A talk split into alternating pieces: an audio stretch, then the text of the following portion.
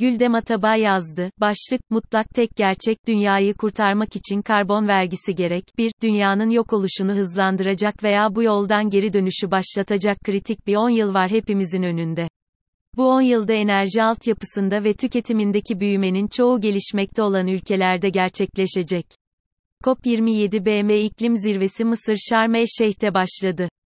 Dünya liderlerinin büyük miktarda karbon gazı ürettiği bilinen jet yakıtlı özel uçaklarıyla geldikleri toplantılar liderlerin karbon salınımını azaltma ve ölmekte olan gezegeni kurtarma istekleri hakkında hayal kırıklığı yapan bir başlangıçtı. Yine de toplantıda konuşulanlar, alınan kararlar hayatını kurtarmamıza birkaç on sene kaldığı bilinen dünyamız açısından ve hepimiz adına yaşamsal önemde.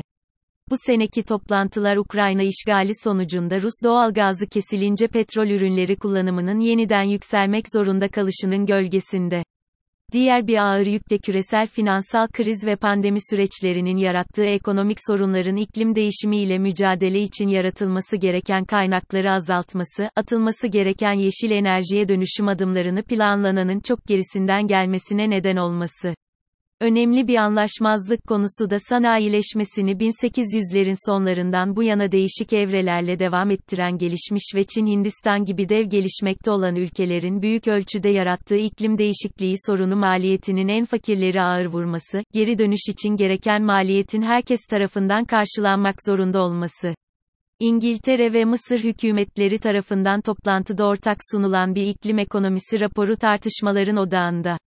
Buna göre, yoksul ülkelerin fosil yakıtlardan uzaklaşabilmeleri, yenilenebilir enerjiye ve diğer düşük karbonlu teknolojilere yatırım yapabilmeleri, aşırı hava koşullarının seller, kuraklık, yangınlar ve düşük tarımsal verim gibi sert etkileriyle başa çıkabilmeleri için çok büyük nakit paraya ihtiyaç var. Raporun gösterdiği ise, bilim insanlarının beklediğinden çok daha hızlı bozulan iklim şartları için yaratılan kaynağın çok yetersiz kaldığı gelişmekte olan ülkelerin iklim değişikliğiyle mücadele için sağladığı finansman gerekenin 5 ila 10 kat altında.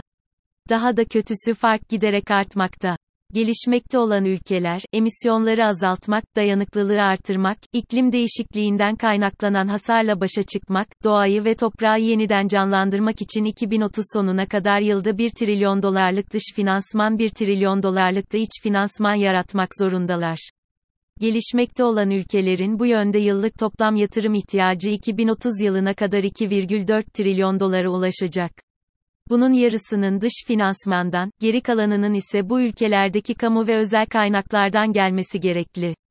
İklim değişikliği ekonomisinin dönüm noktası niteliğindeki 2006 incelemesini yazan iklim ekonomisti Nicholas Stern tarafından hazırlanan son raporda vurgulanan zengin ülkeler geçmiş yüzyılda ağırlıkla kendi yarattıkları emisyonlarının neden olduğu iklim değişikliği konusunda kendilerinin de hayati çıkarlarının farkında olarak fakir ülkelere finansman sağlamanın bir adalet meselesi olduğunu kabul etmeleri gereği yoksul ve orta gelirli ülkelerin büyüme ile kalkınma ihtiyaçlarını karşılamaları önemli.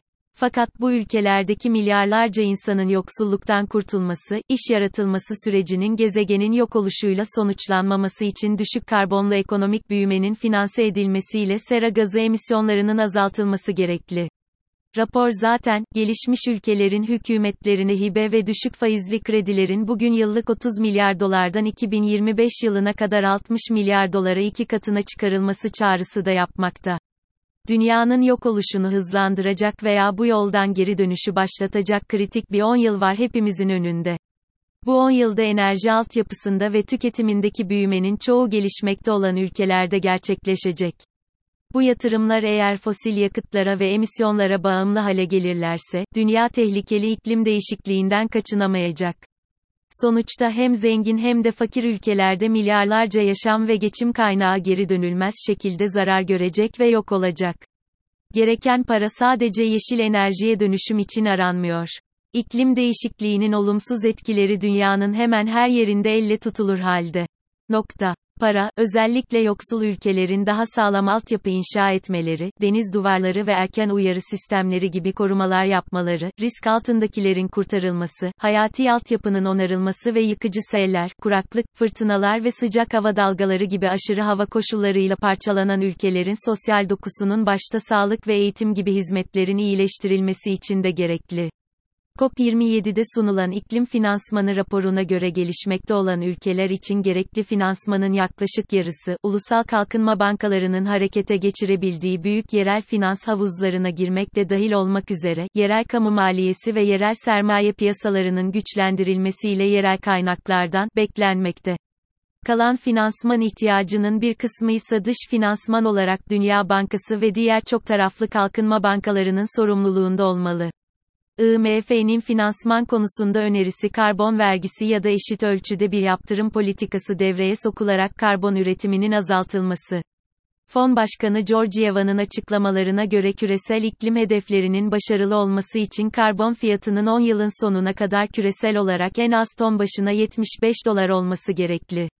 Dünya Bankası'nın analizine göre karbon üretiminin 2030'da ton başına en az 75 dolarlık ortalama fiyatı ulaştıran bir yörüngede öngörülebilir bir şekilde fiyatlandırılmaması halinde işletmelerin ve tüketicilerin değişmesi için teşvik yaratılmıyor.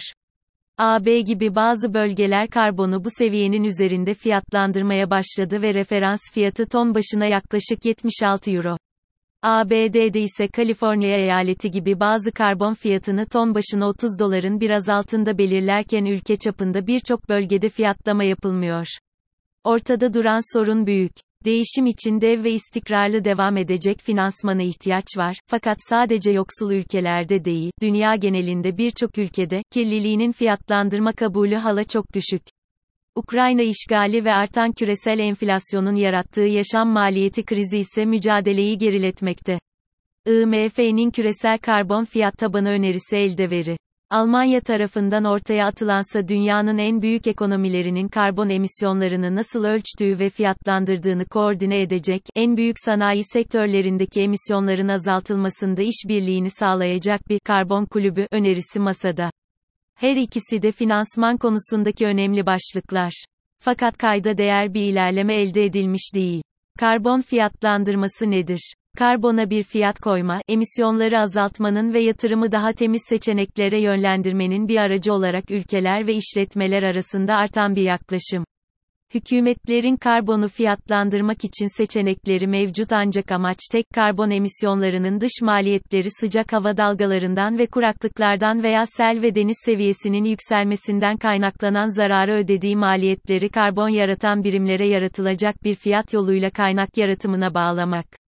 Karbon üzerindeki fiyat, hasarın yükünü ondan sorumlu olanlara ve onu azaltabilecek olanlara yüklemeyi amaçlamakta emisyonları kimin nerede ve nasıl azaltması gerektiğini dikte etmek yerine, karbon fiyatlamasının vereceği ekonomik sinyalle karbon yaratmayı yüksek maliyet haline çevirmek ve böylece kirleticilerin faaliyetlerini durdurmaya, emisyonları azaltmaya teşvik etmek.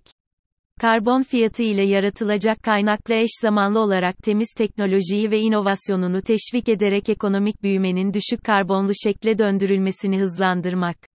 Karbon fiyatlandırmanınsa şimdilik ön planda olan iki ana ekseni var, emisyon ticaret sistemleri ETS ve karbon vergileri.